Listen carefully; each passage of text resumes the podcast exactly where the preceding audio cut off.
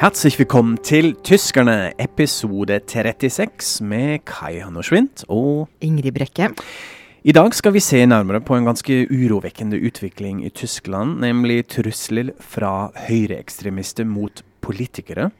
Drapet av CDU-politiker Walter Lupke, som ble skutt i sitt eget hjem, har skapt mye debatt. Dette skal vi komme tilbake til.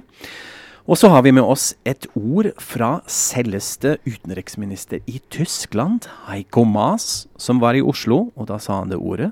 Det gjorde han. Det blir spennende. Det kommer vi tilbake til òg. Men først sender vi en liten empatisk hilsen til alle som hører på oss i Tyskland eller andre steder i Europa hvor den fryktede hetebølgen har begynt å rulle over landene. I dag er det meldt 35 grader pluss i Berlin. Da er det jo bare å ta på seg badebuksa, ta med seg lillesøstera og dra ut til Wannsee, som det heter en veldig kjent slaget. Pakk de badehose ein, nimm dein kleine Schwesterlein, und dann nicht wir aus nach Wannsee. Ops. Nå begynte jeg å lengte litt etter et ja. lite bad. Jeg beklager for den dårlige Berlin-dialekten da på slutten. Ja. Eller man kan sette seg bare som et vanlig menneske i en av de strandbarene og ha begge føttene i en isbøtte eller noe sånt. Vi har ikke det problemet her i Oslo, ikke sant? Her, Nei, det har vi ikke. Nei, ok. Men vi, vi er fornøyd med det eh, også. Vi tar det, vi tar det vi får, vi. ikke sant. Men nå må vi snakke om de ja, ganske dramatiske hendelsene rundt uh, CDU-politiker Walter Lupke, uh, og det som ser ut som en ganske farlig utvikling i Tyskland, nemlig vold og drapstrusler mot politikere. Men hva var det som skjedde med Lupke, Ingrid? Jo, han ble da eh, funnet eh, på terrassen utafor hjemmet sitt, eh, skutt i hodet. Ingen våpen i nærheten, så man forsto jo fort at han hadde ikke tatt eh, livet av seg. Og man begynte jo da å etterforske, og dette er vel nå tre-fire uker siden. Mm. Um, og Lubke han er eh, regionspresident, en litt sånn pussig eh, funksjon. I Kassel, I altså Kassel. i, i Nordhessen av det. Ja. Dette er den største byen i, ja. i delstaten Hessen. Ja, så han, eh, var da politiker på et slags mellomnivå, mellomnivå mellom kommune og delstat, så vidt jeg skjønner. Mm. Litt sånn krøkkete tittel. Ja. Men i hvert fall, han var fra CDO, og han ble ganske kjent under flyktningkrisen der han under et uh, offentlig møte der han selv hadde en uh, liberal holdning og støtta uh, Merkels åpne linje. Og så sa han at de som ikke han, Dette anser han som å være kristne verdier. Og de som ikke støtter dette, de står fritt til å forlate landet. Mm. Så var dette jo et videoopptak av det møtet, så det ble jo spredd der allerede i 2015. Ja. Uh, og man hører, hvis man ser på det videoet, så hører man allerede protestene i salen. Folk ja. som sier nå Så han har gått over streken da med det, i hvert fall for noen. I for noen var mm. dette veldig provoserende. Og så, uh, det som også er interessant i den sammenhengen, det er jo at den, denne videoen begynte å bli delt igjen i år. Eh, Bl.a. av Erika Steinbach, som er en kjent eh, politiker som var i CDO, men som har meldt overgang og er vel i AFD nå, så vidt jeg vet. I hvert fall i nærheten av, mm, ja. av eh, AFD. Så, sånn at uh, det som skjedde etter uh, Det ble ganske raskt klart at det var en eh, Eller man trodde ganske tidlig at det hadde en sånn politisk tilknytning. Mm. Og så arresterte man jo denne eh, mannen, eh, Stefan. Stefan E het han lenge, ja. men uh, nå kom det ut at han heter Stefan Ernst. Ja, nettopp. Og det er jo det som er også litt interessant, fordi i dag uh, tilsto han jo. Ja, så nå vet mm, vi dette. Vet Eller vi mm. ja, overveldende med overveldende sannsynlighet vet vi dette, at mm. han faktisk gjorde det. Ja. Og jeg syns også det var utrolig ubehagelig å lese om hans bakgrunn, hvem han er. For han er da eh, Han bor i Kassel i et eh, alminnelig nabolag med en kone som er apoteker. Han hadde en eller annen form for skiftarbeid, litt uklart akkurat hva. Og han har eh, også barn. Og han er 45 år. Eh, og ingen av naboene hadde noe anelse om at han tilhørte noe høyreekstrem bevegelse, så han må jo ha virka som en helt vanlig, vanlig mann. Men eh, i virkeligheten så har han jo vært dømt for, for sånne ekstreme voldshandlinger flere ganger. Og første gang allerede i 1989. Eh, og ikke lenge etter det, i 92 tror jeg, da, da fikk han fengselsstraff for å ha kasta en, en, type bombe inn i et uh, asylmottak, som de heldigvis klarte å av, uh, gjøre den ufarlig, da, så den eksploderte ikke. Men han har jo dermed vært uh, i Eller burde i hvert fall vært i, i politiets søkelys siden da. Og han er også dømt for noe for bare noen få år siden, hvor han sammen med en haug andre gikk til angrep mot et fagforeningsmøte, f.eks. Mm. Sånn at han har virkelig holdt på, og likevel eh, så kan han da eh, leve alminnelig liv som en vanlig mann. Og, og, man vet jo heller ikke nå om han var alene, eller om, han, om det var flere som, som uh, sto bak. Ja. Og man får jo disse uhyggelige følelsene med hvor, hvor, hvor mange sånne finnes det. Mm. Ja. Så er det jo nå disse detaljene som kommer frem, som viser til absolutt noe mer strukturelt, som står da imot en, en annen måte å fremstille disse hendelser at man, at, som litt sånn ekstreme unntak. Altså F.eks. ordføreren i Køln, Henriette Reke, som fikk livstruende skade under et angrep med en kniv i valgkampen i, i 2015. Uh, eller i Freiburg var det en ordførerkandidat som ble slatt, slått ned på et valgkamparrangement.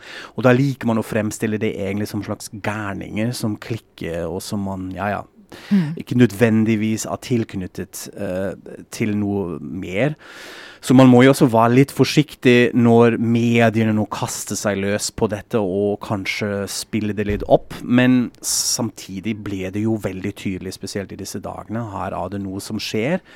Og spørsmålet er jo hvor kommer dette fra? Hva motiverer dette? Er det bare flyktningkrisen som motiverer den type hat nå, eller hva tror du? Altså, jeg tenker jo at det egentlig er mye eldre. Eh, dette er ting som har ligget og bobla i det tyske samfunnet. Holdt på å si alltid, kanskje ikke alltid, men i mange, i mange tiår. Og jeg, jeg, leste jo en veldig interessant uh, undersøkelse, en forskningsundersøkelse som kom i vår en gang, tror jeg. Uh, som viste at når du så på um, geografisk på hvor var det eh, nazistene på 30-tallet fikk flest stemmer, så er det de samme stedene hvor AFD gjør det bra nå. Sånn at dette ligger også på en måte i noens kultur. Det går i en slags høyreorientering som går i arv i familier og sånn. Og det er jo veldig interessant og ganske skremmende. Mm. Uh, og så er det jo også noe med dette Ja, det er forskjell på Høyre. ikke sant? Noe er noe høyrepopulistisk og AFD, og noe voldelig og sånn, men du har etter hvert også litt sånn uklare grenseoppganger. Um, og, og, jeg tenker at dette voldsomme hatet har kanskje blitt sterkere, eller i hvert fall mer, mer tydelig etter flyktningkrisen, eller mm. med, med, det. Og, og jeg var jo på et valgkampmøte for Angela Merkel hvor jeg så det på en måte med egne øyne. Hvor folk sto og skreik eh, hatting høyt i en, kanskje to timer. Og jeg gikk rundt og prøvde å se dem inn i øynene og se dem inn i ansiktet. Og det var helt forferdelig. Fordi det var et sånt rent hat. Og man fikk følelsen av at hadde det ikke vært politi der, så hadde de bare banka opp folk. Mm. Altså sånn føltes ja. det. Og jeg så nettopp også en sånn klipp fra eh, et, et allmøte i en liten by som heter Bautzen uh, i Saksen, hvor, hvor, en grønne politiker som skal stille til et lokalvalg, uh, forteller at uh, jeg er 32 år, jeg har bodd i denne byen i tre år, og jeg stiller jeg er liksom deres kandidat. Så kommer det en dame opp på scenen og bare sier jeg, jeg, er 60 år og har født barn og gjort en innsats for dette landet, og du kan bare ha deg hjem. Og så jubler hele salen. Altså en mm. type sånn det er, ikke, det er, ikke, rasistisk, eller det er ikke, en, det er ikke en direkte sånn stygge ord og utskjelling og sånn, men det er et slags underliggende hat. Sånn 'du kan bare dra fra vår by, vi vil ikke ha det her'-holdning, ja. som er utrolig ubehagelig. Og det er ingen måte at man kan tenke seg å ha en dialog. Dette er bare litt sånn full 'å nei, ja. vi skal ikke snakke med deg, du skal gå vekk herfra'. Mm.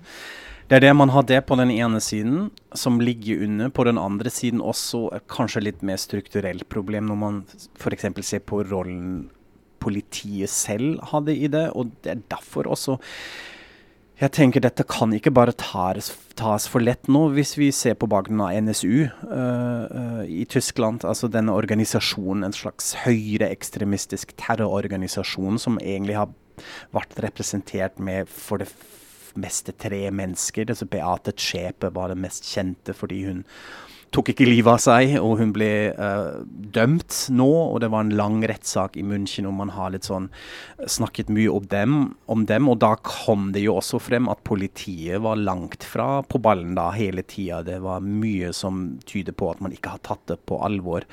Så var det nå i Frankfurt en sak i år uh, hvor man har um, funnet ut at det finnes et slags høyreekstrem intern nettverk i politiet i Frankfurt, en sånn WhatsApp-gruppe som har gått ut med trakasseringer mot en tyrkisk eh, advokat. og har truet med å drepe barna til, til denne damen og sånn.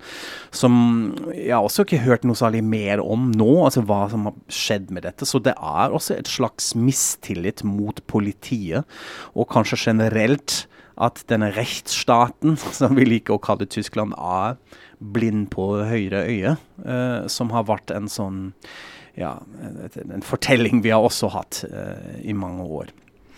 Ja, jeg så uh, denne ukas uh, Anne Will, altså dette talkshowet på søndager. Og der var den ene gjesten en journalist i Süddeutsche Zeitung som har holdt på med dette i mange år. Og hun sa veldig sånn at det er det samme som skjer hver eneste gang. Og at hun mener at, har, altså, at, man snakker om det, men man tar det egentlig ikke ordentlig på alvor. Det, altså, og med det så mener jeg da eh, høyreekstrem vold eller, eller utskjelling eller ikke sant, hat.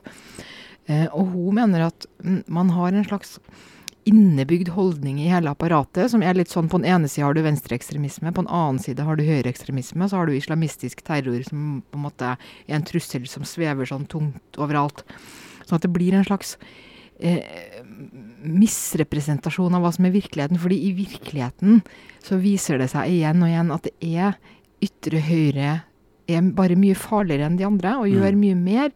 Og man eh, eh Tagerspiegel og Ditt Site er det vel som hvert år kjører sånne store saker om hvor mange er det som har blitt drept av høyreekstreme. Og det er altså siden 1990 er det 170 mennesker i Tyskland. Det er jo et helt vanvittig tall. Sånn at det er noe med eh, at, at, man likevel, antagelig på grunn, kanskje også pga. RAF, på 70-tallet og, og tidlig 80-tall. Altså venstre, en venstre terrororganisasjon? Som var veldig farlig venstreterror, ja. mm. som, som plaga landet i årevis at man kanskje på en måte nesten henger igjen i det og ikke helt har klart å tilpasse seg mm. eh, den eh, nye tid. Ja. Og, men vi får jo håpe det er annerledes nå. ja, og så er det det merkelige at man da ikke helt ser på disse nettverk, eller, eller nekter å anerkjenne disse høyreekstreme nettverket som ligger under. At man er veldig fort ute med sånne enseltheter, hypotesen, altså en e, enkle eh, personer som stå, skal stå bak det. Mens man øh, venstreterrorisme og islamsk terrorisme er mye mer nettverksbasert, og da er det flere som jobber sammen. Så Det er det ene. Det andre som er jo litt interessant nå, er hvordan kommer det til å påvirke f.eks. valgkampen i disse østlige delstatene i Tyskland nå. Fordi enda en undersøkelse fra ARD Politmagasin München som har spurt jeg tror det var 1000 ordførere. Uh, om hvordan de opplever dette i hverdagen. Og det hva som kom frem da, syns jeg også ganske skremmende. Nemlig at det er over 40% som faktisk har opplevd trusler, trakassering. Både i direkte kontakt eller via e-mail og på sosiale medier. Og at 8% har også opplevd fysiske angrep eller vold uh, når de er i en gågate og prøver å snakke med folk. Altså, altså minst 80 80 borgermestere eller ordførere i Tyskland ja. har blitt fysisk angrepet. Både øst og vest. Det er også viktig ja, å påpeke. Det er jo helt uh, Ja. ja. Uh, og så er det en annen tendens da, nemlig det med at det å være anonym spiller ikke nødvendigvis en så stor rolle lenger for folk som trakasserer og mobber og går over til angrep, som man trodde før var en sånn ting på sosiale medier, på internett, eller sende en sånn anonym e-post. Uh, men nå får man også det i større grad at folk bare rett og slett kjefter på når de møter folk på, på åpne gater, eller gjør en enda farligere ting. Så dette er en stor utfordring til politikken.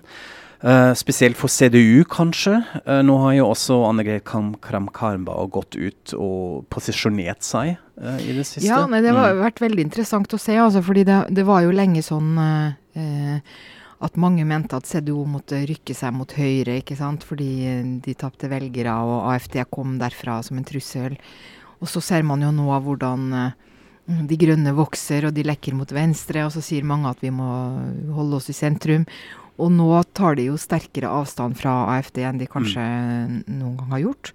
Og tidligere generalsekretær Petter Tauber var jo ute, og var både ut mot for så vidt Erika Steinbach og hennes eh, rolle i å spre denne videoen om, om Lubke og sånn. Men, men uh, også veldig hardt uh, om at AFD har medskyld. Altså de har medskyld i dette drapet. Fordi de har bidratt til å piske opp stemninga og, mm. og, formidle så mye hat, da. Ja. Så det er jo CDO prøver virkelig nå å, å ta avstand fra denne også sin egen litt ytre høyre fløy. En av de som, som Taube gikk til angrep på, er jo en som sitter i denne såkalte Væteunion, som er en mm. slags nettverk langt til høyre i, internt i, i, CDO. da. Men vi får se hvor lenge det varer. Altså dette er jo, Her skifter det jo hva man må, men, men, at de føler det, at dette er ærlig ment akkurat nå, det er det jo opplagt. Altså, det er veldig skremmende. Og så har man jo man bare håpe på at, at de blir obs på det ordskiftet som de jo også har bidratt til. Altså en person som har CHF, som vi har snakket om her, om måten han har kommentert Uh, bivirkninger eller aspekter av flyktningkrisen har jo også kanskje ikke nødvendigvis hjulpet med dette. Altså en sånn legitimisering av en sånn push mot høyre hele tida. Så det ja, blir spennende å følge med. Ja, det gjør det mm. virkelig, altså. Ja. Så det. Ja, da skal vi til noe eh, helt eh, annet, som kanskje likevel har lite grann av noe lignende tema i seg. Eh, nemlig en eh, artikkel i eh, Süddeutsche Zeitung som handla om dette eh, norske teaterstykket 'Ways of Seeing', som vi begge nå har lest. Eh, og det var, veldig, det var en uh, veldig sterk opplevelse. Vi skal legge ut denne på Facebook-sida vår, sånn at dere som leser tysk, kan lese den der. Eh, når man ser det sånn utenfra, fordi at det, det bare fremstår som så utrolig forferdelig hvordan det, de som står bak dette teaterstykket, har blitt behandla, og hvordan Norge har takla eh, denne debatten. Og artikkelen er veldig sånn grundig og litt sånn kronologisk, så du får virkelig oversikten over hvordan dette har foregått. da. Mm. Og du har jo til og med sett stykket, Kai? Ja, absolutt. Så jeg ble jo enda mer satt ut etter å ha nå sett selveste stykket, uh, som er jo også kanskje en del av problemet. at mange har ikke sett stykket, men har likevel meninger om det. Og det er fortsatt veldig vanskelig å sette dette opp. Den begynte jo på Black Box-teatret i Oslo. Jeg har sett en forestilling på Det Norske Teatret. Og det som slo meg mest, var egentlig hvor merkelig denne debatten rundt dette stykket avsporte. At det handler om privatlivet av politikere, og hvordan opptak av å filme deres hus blir brukt osv. Så, videre. så når man ser det stykket, så gir dette fullstendig mening. Det kan jeg, det kan jeg si. Uh, dette er langt fra en sånn opppisket uh, uh, uthengende måte å presentere dette. Dette gir mening, og denne, dette er presentert på en veldig rolig og kontrollert måte. Og stykket prøver først og fremst å avsløre dette som vi egentlig har snakket om i en tysk kontekst òg, nemlig dette at det finnes nettverk uh, også i dette landet her mellom høyrepopulistiske bloggere, Resett.no, Dokument.no, sånn mellom uh, finansiell støtte fra næringslivet og også den rare rollen som PR-byrået First House hadde i alt dette. Og det er det man har prøvd å fremstille, og det er det som også kanskje også du opplevde når man leste denne artikkelen. Virker så rart at norske medier har ikke egentlig snakket så mye om det, men det var en avsporing. Jeg følte at um, store deler av norske medier har lot seg lyre av denne protesten, det å være støtt av justisministeren på den tiden og Erna Solberg, og at det handler bare om privatliv og politikere. Det handler om mye mer, følte jeg. Men det er kanskje også noe med at over hele Europa så skjer det en sånn ja, eh, politisk forskyvning for tida. Altså hele det politiske spekteret rykkes på en måte mot høyre. Og skille, eller grenseoppgangen mellom det man kan kalle litt sånn anstendig høyre og uanstendig høyre, forskyves.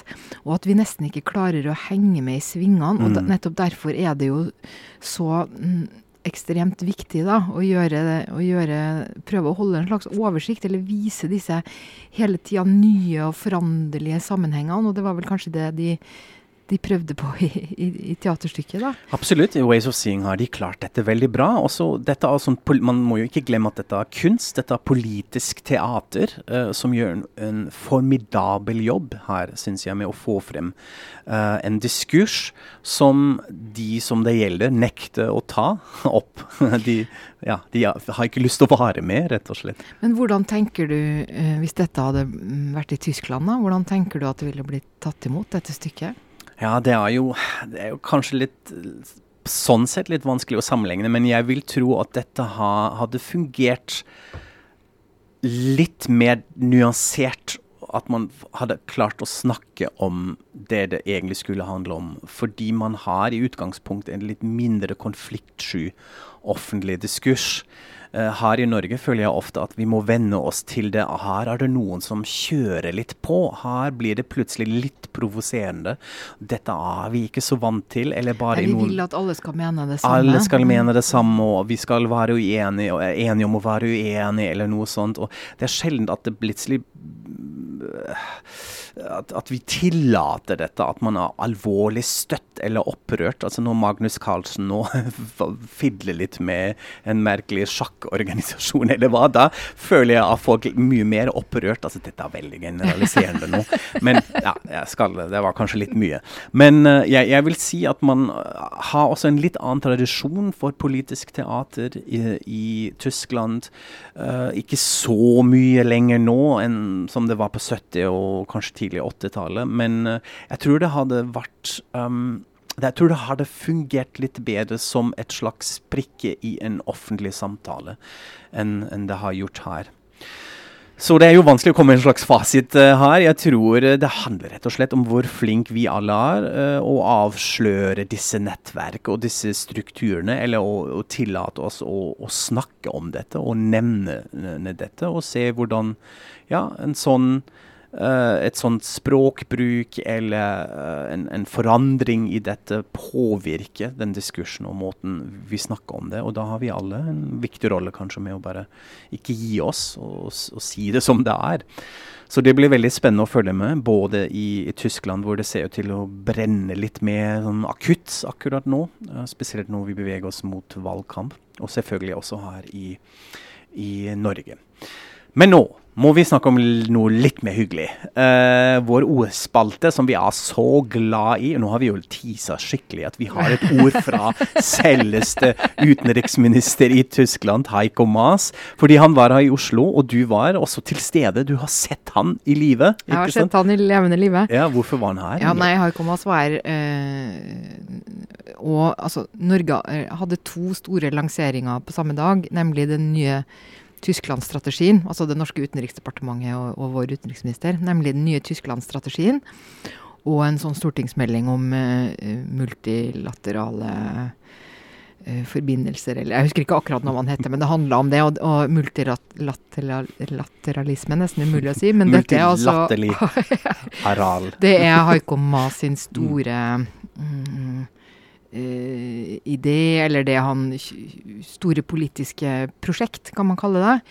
Altså at, at, flere land skal jobbe tettere sammen uh, med hverandre, og at ikke alt skal handle om USA og sånne ting. Eh, så han var her nok mest pga. det. Eh, pga. den multilateralisme-tankegangen. Men også for Tysklandsstrategien. Men i hvert fall. Han var holdt en, en tale, og fortalte da akkurat i begynnelsen, før han begynte, at han hadde da tatt, uh, blitt kjørt fra Gardermoen og inn til Oslo sentrum. Og da hadde han på veien sett flere tyske elbiler enn han hadde sett de siste tre månedene i Berlin. Og han hadde lært et nytt ord, nemlig rekkeviddeangst. Aha. Rekkeviddeangst. Mm -hmm. Og eh, det syns han var han, veldig morsomt. Og så klarte han jo også da eh, på en elegant måte å innarbeide dette i talen, sånn at det også handla om noe sånn utenrikspolitisk rekkeviddeangst og sånn, men det trenger vi ikke å, å gå inn i, da. Det, så han sa det på norsk? Altså, han sa det på norsk. Rekkeviddeangst. På tysk er det jo reichweiteangst. Det funker ikke helt sånn på den måten. Jeg kjenner det litt fra mobiltelefonen min, at man kan oppleve det. At hvor lenge holder batteriet. Men det er kanskje ikke så farlig å gå tom Det er i hvert fall verre å bli sittende støkk i en eller annen dal uh, i mørket uh, hvis du ikke kommer deg noe sted, kanskje. Uh, ja. Og verst er det selvfølgelig hvis også mobilen din har lada ut, men ja, ja, da er det, helt, da er det ingen Dobbel rekkeviddeangst. Ja. Rekkevidde, ja.